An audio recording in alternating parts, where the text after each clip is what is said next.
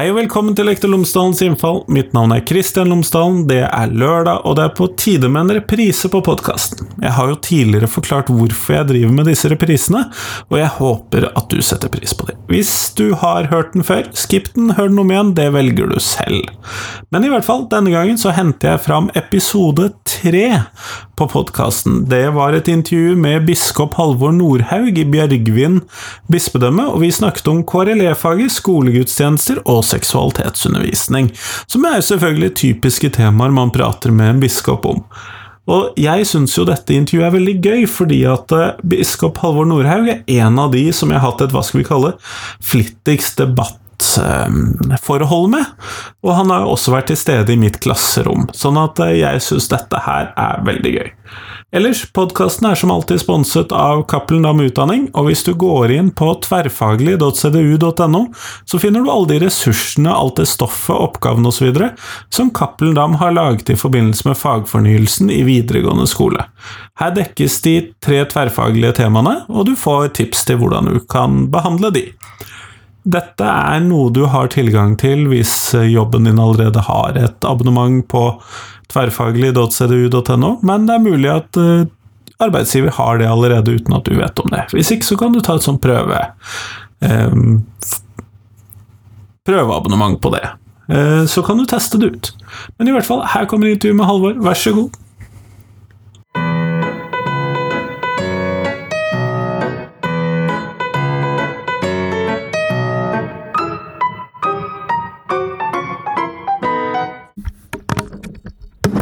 Nå sitter jeg her med biskop Halvor Nordhaug, biskop i Bjørgvin. Tusen takk for at jeg fikk lov til å komme og prate med deg. Bare hyggelig. Eh, jeg vil gjerne starte med å fortelle meg tre ting om deg selv, til de som eventuelt ikke skulle ta oss og kjenne deg fra før av, av lytterne mine. Eh, tre ting om meg selv. Ja, For det første så er jeg ikke bergenser, som man kan høre på stemmen. Eh, det burde jeg sikkert vært, men eh, det er ikke noe å gjøre med det. Jeg er østlending, har vokst opp i Oslo og Fredrikstad-området. Og um, har um, nå vært i Bjørgvin i uh, sju år som biskop, og trives godt med det. Uh, og så um, bor jeg på Landås, utenfor, uh, uten, litt utenfor sentrum her, i en bispebolig. Det er da en av de gode som følger med den stillingen, at det er ganske stort og forholdsvis rimelig hus å bo i. og der har jeg vakker utsikt over Bergen, og det er jo en fin utsikt, selvfølgelig. Du mistet ikke den i forbindelse med endringen til prestene? Nei, jeg valgte å bli boende. Jeg betaler litt mer i leie, men det er det verdt. Uh, og så, hvis jeg skal si en, en, tredje ting, så har jeg en lidenskap i livet, og det er fotball. Jeg spiller dessverre ikke så mye nå som jeg gjorde før selv, men jeg har veldig glede av å se på. Og laget i mitt hjerte er jo Fredrikstad fotballklubb, naturligvis, for der er jeg vokst opp. Det går litt opp og ned. Ja, det går jo uh, veldig opp og ned, og mye ned, dessverre. Uh, men nå på søndag så skal jeg se på Brann uh, og, og, heie på dem. Både fordi jeg håper Brann tar sølv, og fordi at Brann spiller mot Sarpsborg. Og alle fra Fredrikstad ønsker de fra Sarpsborg nedenom og hjem. Så det var tre ting. Kjempeflott, tusen takk. Jeg trodde egentlig at jeg visste hva jeg kom til å snakke med deg om i dag, og hvilke spørsmål jeg skulle stille og sånn, men mm bispemøtet forandret uh, det litt for meg. Fordi at du hadde en uh, Du gikk opp på talerstolen på bispemøtet og snakket om kirken og skolegudstjenestene og dette her. Mm. Men der virker det som om du har blitt litt misforstått fra flere hold. Kunne du si noe om det? Ja, um, Foranledning var at vi biskoper hadde et seminar om skolegudstjenestene, og hun som er preses for oss, Helga Byfuglien, holdt et uh, foredrag først. Og Deretter ble ordet gitt fritt, og da um, var, kom det bl.a. kritikk fra Humantisk Forbund, Jens Brun Pedersen, som var der, som uh, kritiserte det mangelfulle alternative opplegget som var på mange skoler, og mente at retningslinjene ikke ble fulgt alltid. Og deretter fikk jeg ordet, og da øh, vil jeg gjerne komme Brun Pedersen i møte og si det at jeg er kjent med det at det er øh, ofte mangelfulle alternative opplegg. Og at øh, etter min vurdering så måtte kirkene kunne minne skolen om at skolen har et ansvar også for de elevene som velger å ikke gå til gudstjeneste. At de får et likeverdig tilbud og ikke blir satt til å Sånn som jeg opplevde en gang, at du bare fikk en bunke Donald, og det var det, liksom. Det er jo ikke noe godt alternativ opplegg. Eh, så ble dette i avisen referert slik at det kunne forstås at jeg mente at kirka hadde ansvaret for det alternative opplegget. Ja, det, er jo, det er jo en, en fullstendig misforståelse. Mitt poeng var at vi skal minne skolen om det som er skolens ansvar. Og det tror jeg er i kirkas interesse, fordi hvis det er gode alternative opplegg, så blir det også mindre misfornøyde foreldre. Eh, og så er det i skolens eh, interesse, og så bør det også være selvfølgelig i deres interesse som ikke går til gudstjeneste, at deres barn blir bedre ivaretatt enn det som kan ha vært tilfellet flere ganger. De eneste som taper det, er vel sånne som meg, som argumenterer mot skolegudstjenestene i sin helhet. Ja, ja, ja. ja det er jo også hensikten. um, Men jeg så jo det at både preses eh, og eh, Bente Sandvik i Human-Etisk Forbund så ut til å ha misforstått deg der. Ja, og derfor så rykket jeg ut på nettsida til eh, Human-Etisk Forbund, dette bladet fritanke.no, og, og skrev bare en kommentar til Bente Sandviks artikkel for å presisere hva jeg egentlig hadde ment. Ja, du hadde den samme, eller i hvert fall en lett omskrevet en i Vårt Land også? Jeg hadde det. Ja, jeg tenkte også det at nå kan dere ikke gjerne skrive det der, slik at ikke den misforståelsen får festne seg, at kirka ønsker å utvide sitt revir til også å ta regi på det alternativet. Det var jo en såpass meningsløs tanke at jeg kunne ikke helt skjønne at noen kunne tenke den, men ok. Ja, nei, jeg forsto deg slik som jeg tror du mente, og som du presiserte. Ja. Ja. Eh, sånn at jeg syns at reaksjonene kanskje var litt rare. Eh, men hvis man skal ta også sørge for et sånt alternativt Eller i hvert fall minne skolen om at det skal være et alternativt opplegg som skal være godt. Mm -hmm. Vil det da være i så fall noe ris bak speilet fra kirkens side? Nei, altså nå syns vi at vi bør holde oss med ris bak speilet. Eh, nei, vi har jo ikke noe, noe, andre muligheter til å agere overfor skolen enn rett og slett bare å snakke med dem. Dere kunne jo trukket tilbake invitasjonen eventuelt, da? Nei, altså det, det, mener jeg vil være å, å gå altfor langt. Eh, det vi kan gjøre, er å komme med en oppfordring til skolen om å ivareta sitt oppdrag hvis vi får en mistanke om at det ikke skjer. I utgangspunktet så syns jeg vi skal ha den tillit til skolen at dette klarer de fint. Og nå er det såpass mye debatt rundt skolegudstjenestene hvert eneste år når vi kommer på disse tider, oktober-november, og skolen begynner å forberede ting, kanskje så jeg tror at beredskapen i skolen etter hvert er blitt ganske høy. At man har ikke den automatikken at selvfølgelig har vi skolegudstjeneste, og selvfølgelig uh, har vi en eller annen lagringsplass for de elevene som ikke går der. Jeg tror, er, jeg, jeg tror dette bedrer seg, altså. Ja, jeg har jo også tro på at det bedrer seg, men jeg tror jo også at det krever en innsats. Um, og det, Da setter jo jeg pris på at uh, du ønsker at Kirken skal minne skolen i hvert fall på det, mm. for jeg tror at det kan være med på å gjøre det mm. i hvert fall litt bedre for veldig mange av elevene. Sånn, det setter jeg pris på. Eh, og så setter jeg også pris på fordi at Tidligere så har jeg oppfattet deg som at uh, skolene gjør dette riktig hver gang når du har skrevet i avisen ved tidligere anledninger. Eh, sånn at jeg syns jo at dette er en lovende utvikling da, i forhold til å kunne gjøre det bedre for elevene i skolen. Altså de, mitt inntrykk fra hvordan dette fungerer, baserer seg jo på samtaler med rektorer og, og lærere rundt omkring på skolebesøk. Uh, og da, da, jeg, da, kan jeg ikke uttale meg om hvordan det faktisk fungerer, hvor godt eller dårlig det faktisk fungerer, men det jeg hører de sier, er at de, har, uh, de er veldig oppmerksom på retningslinjene og ønsker å følge dem. For eksempel så tror jeg ikke det skjer lenger, det som var ganske vanlig før. I hvert fall tror jeg ikke det skjer i noe særlig grad. At skolen legger skoleavslutningen sammen med gudstjenesten, så å si. Slik at det siste som skjer før jul, er at rektor står på kirketrappa og ønsker elevene god jul. Det skjer noen steder i landet, men eh, det, jeg, jeg, har ikke hørt at det har skjedd i Bergen. Nei, i hvert fall. Nei, eh, for det vil jo være veldig uheldig, for skole, skoleavslutningen skal jo eh, selvfølgelig være for alle elevene. Det er jeg glad for at du sier. Jeg hadde ikke ventet noe annet fra deg heller, men jeg er glad for at du sier det. Ja. Um, men din oppfatning er at skolegudstjenestene fortsatt skal eksistere i norsk skole? Ja, ja, absolutt. Men har de noe der å gjøre når vi har kommet til Eller når vi skal ha en fellesskole for alle elevene? Ja, vi har jo hatt fellesskole for alle elevene siden eh, skal vi se, siden 1737. Da brydde vi oss ikke så mye om menneskerettighetene og eh, likebehandling og sånn. Da, da, var det jo heller ikke noe som het menneskerettighetene. Eh, nei da, selvfølgelig ikke. Men altså eh, jeg, jeg, mener jo at eh, jeg plasserer jo skolegudstjenestene innenfor det som man kaller for skolens allmenndannende oppdrag. Det er ikke en del av KRLE-faget, det er veldig viktig å få fram. Men det er en del av skolens allmenndannende oppdrag å gi elevene kjennskap til, eh, til, norsk kultur og tradisjon. Og da er det jo alminnelig pedagogisk anerkjent at en opplevelse kan være mer verdifull læring enn en tekst som sier noe om opplevelsen. Altså selve opplevelsen er viktig. Jeg skal ta et annet eksempel. Du lærer ikke så veldig mye om fotball ved å lese referater fra en kamp, og du lærer enda mindre om fotball ved å gå inn på stadion når det ikke er noen der. Og det er noe av det samme med en kirke. Du kan ta med Du kan beskrive for elevene hva en gudstjeneste er. Du kan eventuelt ta det med inn i en tom kirke. Alt det er verdifullt.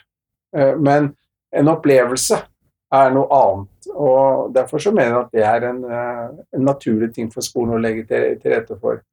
Eh, men det er altså ikke en del av KRLE-faget, og derfor så skal det også da være fritaksrett, naturligvis, sånn som vi har det.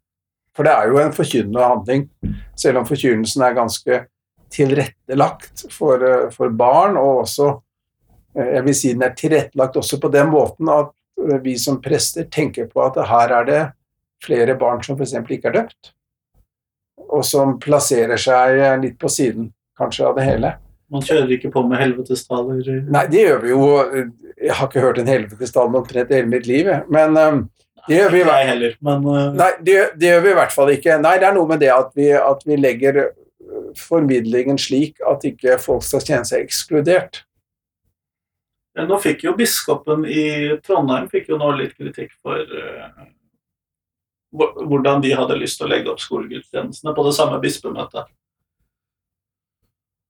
Ja, um, jeg vet ikke om, om det handlet akkurat om biskopen i Trondheim, men uh, det som var poenget med, det, med foredraget til Helga Byfuglin på siste bispemøte, var jo bl.a. at hun ønsket å understreke at dette er virkelige gudstjenester. Eh, og det, det, er riktig at det var et forslag fra Trondheim, jeg vet ikke om biskopen hadde vært involvert i det. Han forsvarte det i hvert fall, på, så vidt jeg har forstått i referatene okay. i avisen. Ja, men det, det, det, må stå åpent hva biskopen hadde ment om det. Men i hvert fall så var det noen som da ønsket å ha en, en veldig lavprofilert gudstjeneste, hvor de ja, det var snakk om å ta ut Fader vår, og man skulle liksom ikke be og Hvis jeg husker rett. Og det tenker jeg er Altså, er det gudstjeneste, så er det gudstjeneste, og da ber vi, og da synger vi salmer. Og det, det som ikke er så naturlig på en skolegudstjeneste, er f.eks. å ta en trosbekjennelse. For da setter du elevene i en posisjon hvor de skal gi tilslutning til en tro aktivt. Jeg tror på Gud Fader, jeg tror på Jesus Kristus, jeg tror på Den hellige ånd. Det syns jeg ikke er, er, naturlig å gjøre. Nei, og det kan jeg jo være enig med deg. Eh, og dere fikk jo også støtte fra Human-Etisk Forbund på dette med at Guds, mm. er det gudstjeneste, så er det gudstjeneste. Mm, eh, mm. Sånn at jeg tror ikke det er noen fra de som er mot skolegudstjenester, som vil, ønsker seg skolegudstjeneste light. Nei, det tror jeg nok ikke det er. Eh, men du trakk inn eh, KRLE-faget her i stad og snakket om at skolegudstjenesten ikke skal være en del av eh, KRLE-faget. Og det skal det jo ikke, og det står det jo ganske eksplisitt i KRLE-paragrafen i opplæringsloven osv. Mm. Men sånn som på mandag nå, så hadde, var det jo et, en kronikk eller et debattinnlegg i Bergens Tidende om opplegg som Kirken kjører i skolene i Hordaland, eller i Bergen. Eh, hvor det da fremkommer at det foregår forkynnelse fra kirkens side inn i KRLE-faget. Eller i hvert fall at det kan sterkt oppfattes som forkynnelse. Ja, altså retningslinjene er veldig klare. At KRLE er et skolefag, og det er undervisningsfag, og det skal da ikke være forkynnende, men formidlende. Eh, så kan du selvfølgelig være eh, ikke sant? Du kommer i en del avveininger. La oss nå si da at uh, elevene skal gjennomgå en av Jesu lignelser. Fortellingen om bortkomne sønn, som jo er en klassiker. Er. Jeg husker den veldig godt. Ja da, de, de fleste som har hørt den, husker jo den, ikke sant? Og, og, så, og, og, så vil da læreren kunne si det, og så vil eleven, læreren kanskje spørre elevene ja, hva, hva tror du er poenget med den, ikke sant? Og så ville da elever og lærere kanskje komme fram til det i fellesskap, som vel er det riktige svaret, at uh, Gud tilgir mennesker som har uh, gjort gale ting. Altså, det, er, det, er, en fortelling om tilgivelse og en ny start. da. Denne gutten han blir tilgitt, og han blir sønn igjen. Uh, hvis læreren da sier Og dette er jo sant, dette må vi huske på. Sånn er det. Vi må huske på å be Gud om tilgivelse. Så blir det fort litt mer problematisk. Da er det, da er det jo forkynnelse. Og det er rett og slett umulig å si. Men hvis læreren sier dette er en viktig tanke i kristendommen, så blir det innafor. Så er det innafor? Så her er det ganske fine grenser, og jeg kjenner ikke det der eh, bakgrunnen for det innlegget i, i Bergen, men i Bergens Tidende. Så det kan jeg ikke kommentere. Jeg kan, kan ikke huske å ha lest den engang heller. Men i den grad jeg blir gjort oppmerksom på, eller hvis en eller annen skole skulle rette en klage eh, på KRLE-undervisning fra kirkens side, så må vi ta det alvorlig. Problemet er jo da ofte at skolene ikke nødvendigvis vil se problemet hvis de først har kalt dette inn til Nei. Eller tatt imot en invitasjon til dette. Og Da må man jo eventuelt se på hva foreldrene og de foresatte melder inn til ja. Jo, jo. Men la oss nå si at et foreldrepar uh, ringer til meg da, og sier det at uh, i en av dine menigheter så har det vært sånn at det var et kirkebesøk i KRLE-faget, hvilket vi i utgangspunktet syntes var greit, men vi hører at her var det aktiv forkynnelse. Og, da må jeg følge opp. Jeg er jo klager klage som jeg må følge opp da, og få vedkommende prest og få vite hva var det som skjedde, og hva som ble sagt. ikke sant? Og hvis det er grunn til kritikk, så må vi endre. Så du sier det at eh, om noen foreldre som hadde opplevd dette, hører på dette, de kunne ringe deg og fortelle om det hvis de Ja, hvis de mener at noen har noen eh, Hvis det er en klage på en prest, så er det vel kanskje det mest naturlig å ta det med presten selv, da. Men hvis, hvis, de mener at presten ikke hører på dem eller ikke vil forstå hva de sier, så er det alltid mulig å gå lenger opp i systemet. Eh, KRLE-faget er jo et fag som har opplevd mye uro.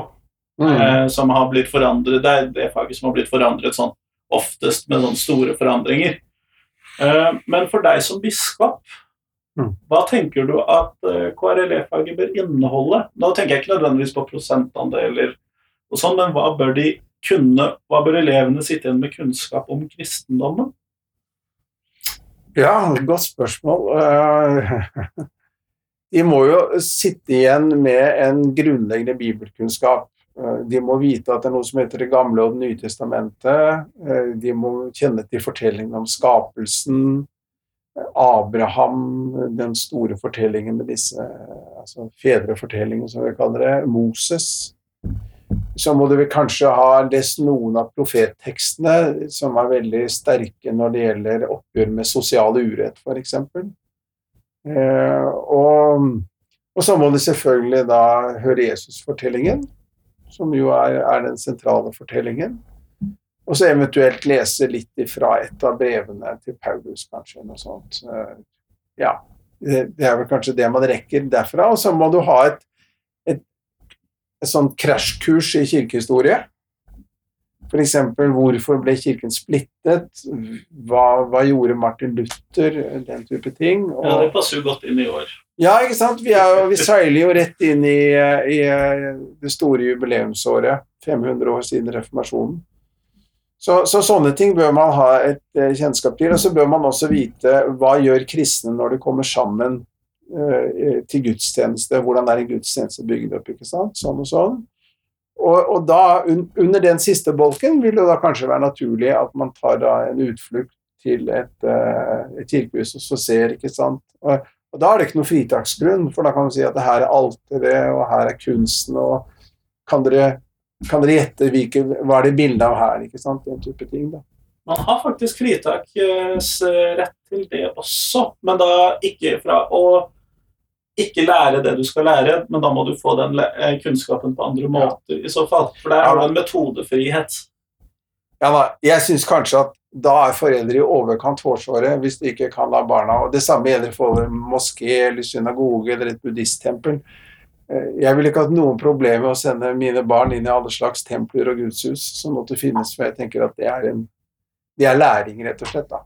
Så jeg syns at eh, foreldre som sier at mine, foreldre, mine barn skal ikke sitte sine ben i kirkehus, de, de er hårsåre, og de fratar barna sine eh, en god læring. Så det er, det er en overreaksjon. Um, når, når, du sier at du ville sendt barna dine til moskeer og all verdens templer mm. osv. som en del av skolen, ville det da vært ok om de også deltok i de religiøse seremoniene som foregikk der? For det er den problemstillingen vi foreldre på nei til skolegudstjenestesiden ofte havner i. Dog med kristne gudstjenester, da, selvfølgelig. Ja, um, jeg ville ikke ha noe imot at de var til stede som uh, og, og, fikk se hva dette var, nei. Men jeg vil nok da um, kanskje tenke at de uh, Hvis du er i en moské, f.eks., at du ikke kneler og deltar i bønnen, men at du da står og Det ville i hvert fall jeg gjort hvis jeg var i en moské.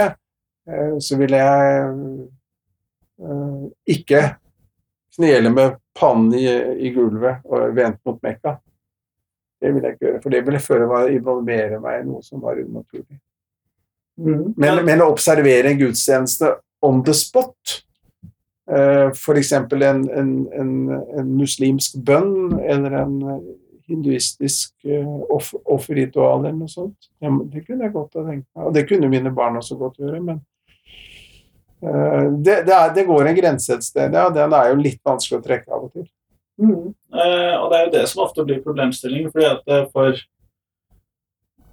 for oss så blir det jo da skolegudstjenesten blir jo da en deltakelse i et religiøst ritual eh, ja. for mange av oss. Og da har jo dere fritaket, som dere da sikkert benytter dere av, da. Hvis dere mener at dette ikke er bra for barna om det er bra for barna eller ikke. For min del handler det ikke så mye om det, men kanskje mer om hva som hører inn i fellesskolen. Eh, barna ja, ja, ja. er til gudstjeneste oftere enn mange statskirkemedlemmers barn. så da... Ja, ja. Nei, men ålreit. Uh, jeg er enig i det. Det er, vel en bedre formulering. Uh, hvis du skulle Nei, vent litt. Tanken min hoppet litt fort her nå. Samtidig så ser vi det at i KRLE-faget så har vi jo da temaer som både filosofi og etiske problemstillinger og abortspørsmålet f.eks. ofte kommer opp i mm. Eh, nettopp KRLE-faget. Mm -hmm. um, samtidig så er jo dette et spørsmål som ofte kommer på krasj med iallfall deler av kristenheten eller deler av kristendommen, om ikke hele. Uh, Iallfall ikke i Norge. Uh, har du noen tanker rundt det? At sånne typer eh, temaer som er problematiske for kristendommen, kommer inn, blant de filosofiske eller etiske vurderingene der. Jeg ville synes det var rart hvis det ikke kom inn. Og abort er jo et kjempetema. Og det er jo et veldig vanskelig tema, og det er jo et tema som fryktelig mange, særlig av jentene, da, kan komme til å møte helt eksistensielt senere i livet. Så det må vi snakke ordentlig om. Uh, og da uh, da kommer vi vel ikke utenom at vi fra kristen side vil si at abort i utgangspunktet er galt, og at uh, fosteret har et menneskeverd. Selv om det menneskeverdet nok, hvis saken blir satt på spissen, hvis liv står mot liv, så, jo, så går jo morens liv foran fosteret. Um, men at uh, abort i hvert fall ikke kan ses på som en lettvint uh, velferdsløsning fordi at man uh, ikke vil utsette eksamen med et år som jo kan være en reell abortgrunn. Ikke sant? Fordi at i dag så spør vi jo ikke om grunnen i det hele tatt. Alle grunner er like gode. Så vi må jo delta i den diskusjonen med, med våre standpunkt, og da vil det jo bli en del eh, clash, fordi at det er en veldig sånn alvorlig og følelsesladet sak. Men jeg syns det er veldig bra at man snakker om det på, på skolen. Og jeg syns egentlig ikke noe tema er for vanskelig å tas opp i skolen, men det må jo være alderstilpassa, naturligvis. Naturlig nok. Eh, jeg ønsker jo en bedre seksualitetsundervisning inn i skolen. Mm -hmm. Både fordi at vi skal lære om alle de tingene vi trenger å vite for å unngå eh, uheldige situasjoner, men også for at vi skal ha god psykisk helse senere. Mm. Eh, og da tenker jeg at det er jo naturlig at en eh, Hvis man ønsker å få ned aborttallene, så ville vil jo støtte til en bedre seksualitetsundervisning og bedre opplæring om prevensjon, bedre opplæring om det å være forsiktig med seg selv. Eh, og det å sette sine egne grenser være naturlig, en naturlig ting man kunne støtte. Ja, og, det, og jeg vil støtte det. Støtte både prevensjonsundervisning fra riktig alder og også dette med grensesetting. Problemet i norsk skole har jo vært at man har vært veldig god på prevensjon og elendig på grenser. Fordi man er så redd for å moralisere. Og dermed så blir jo ungdommen overlatt til de frie markedskreftene og alt som finnes ute på nettet. Og får egentlig ikke den støtten verken hjemmefra eller fra skolen som det ungdommen kanskje hadde ønsket seg til å sette egne grenser. Fordi at vi skal liksom ikke I hvert fall den generasjonen jeg tilhører, da, disse 68-erne, er jo livredd for å mene at noe er rett eller galt.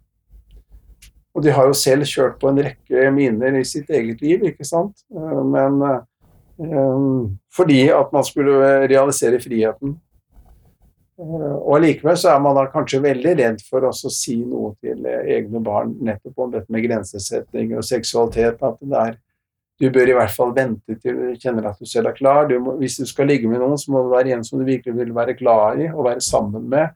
Og du bør i hvert fall ikke ligge sammen med noen i fylla. Altså sånne ting. Det er jo en ganske Det er ikke en veldig høyprofilert moral, men det er sånne ting som i hvert fall jeg sier når jeg kommer på ungdomsskolen. Og jeg får jo veldig ofte det spørsmålet hva tenker du om sex før ekteskap og sånn? Og da, da, sier jeg at et minimum må i hvert fall være at dette er noe dere velger, og at dere har lyst til Du må ha lyst til det selv? Ja, du må ha lyst til det selv, og du må også ha lyst til å våkne opp med den personen som du legger deg med. Eh, og, tenke at dette her skal ikke bare være en one night stand, dette her ønsker jeg skal være et ordentlig forhold. For det, er såpass alvorlige ting uh, vi snakker om her, at hvis vi vi, vi, kan ha veldig fine opplevelser sammen eh, seksuelt, men vi kan også såre hverandre. Det kan man. Jeg ville jo der, der hørte jeg et lite avvik mellom oss to i forhold til dette at man ikke nødvendigvis må satse på at det blir noe mer enn et one night stand. Men jeg likte veldig godt den uh, biten hvor du sa at um, du, må ville, ha, du, må ha, et ønske om å våkne opp med sin og denne personen i tillegg. Mm. Um, det jeg det er en veldig fin grunnregel hvis man skal sette et minimumsgrensesetting. Ja. ja. Um, jeg har et spørsmål som jeg har lyst til å stille til alle som deltar på podkasten, for å runde av mm -hmm. podkasten. Uh, og det er hvis du kunne forandre en ting i norsk skole, og du fikk det budsjettet du, fikk, uh, du, du ønsket, og du fikk uh, de ressursene du ønsket, hva ville du gjort med norsk skole for å i morgen? da? Sånn, ja, nei, Veldig bra spørsmål. Det kommer overraskende på, men jeg tror at svaret ligger langs den samtalen som vi allerede har hatt, nemlig at jeg ville styrke KRLE-faget som en møteplass mellom ulike tro og livssyn. Gi det mer timetall, gi det mer ressurser, og jeg ville også ha en bedre Jeg mener at unnskyld, lærerutdanningen er altfor svak på KRLE-faget. Det er, det er altfor lite. Hvis du spør hvor ligger potensielle konfliktområder i skolen i dag mellom elever, ikke sant? så er det jo i store deler av, eh, av Norge så er eh, kulturmøtet, som også er et religionsmøte, det sterkeste potensielle konfliktområdet. Der kan det skje gjengdannelser, eh, konflikt, mobbing pga. klær osv. Ja, og, og, en rekke ting som, som barn er veldig vare på. Da. Hva man spiser, f.eks. Og du er jo ja, skjellsord. Religiøs fargede skjellsord, f.eks. Eh, og det er jo det samme du ser i skolen som du ser i hele verden, at veldig mange av de virkelig farlige konfliktene i verden, og da særlig knytta til Midtøsten, har å gjøre med religion og kulturmøte. Og Hvis ikke vi lærer elevene å leve sammen med dype religiøse overbevisninger som er til dels radikalt ulike Hvis vi ikke klarer å leve sammen i en fredelig dialog, så har skolen svikta sitt oppdrag. Det er, eh, så der mener jeg skolen det er det dårligste i norsk skole. at det er eh, altfor lite kunnskap blant lærerne, og derfor også blant elevene, og det er for lite ressurser og for lite timetall til å løfte KRLE-faget til en reell og god møteplass for livssynsdialog. Tusen takk for det svaret, Halvor Norhaug. Jeg vil bare takke for at jeg fikk lov til å komme og ta dette intervjuet med deg til podkasten min. Hyggelig. Takk for samtalen.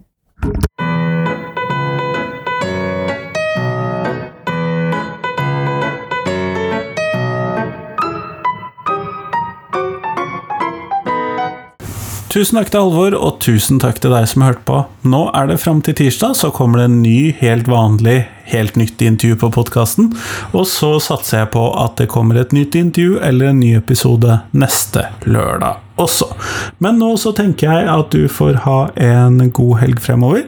Og så satser jeg på at du sender meg tilbakemeldinger, spørsmål, eh, ting du har lyst til å diskutere med utgangspunkt i posten osv. Det tror jeg kan bli gøy. Men som sagt, ha en fin helg videre. Hei, hei.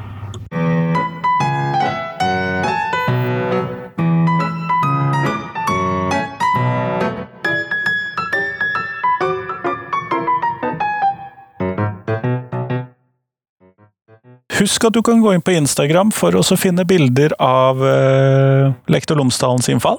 Så kan du se litt hva jeg driver med der.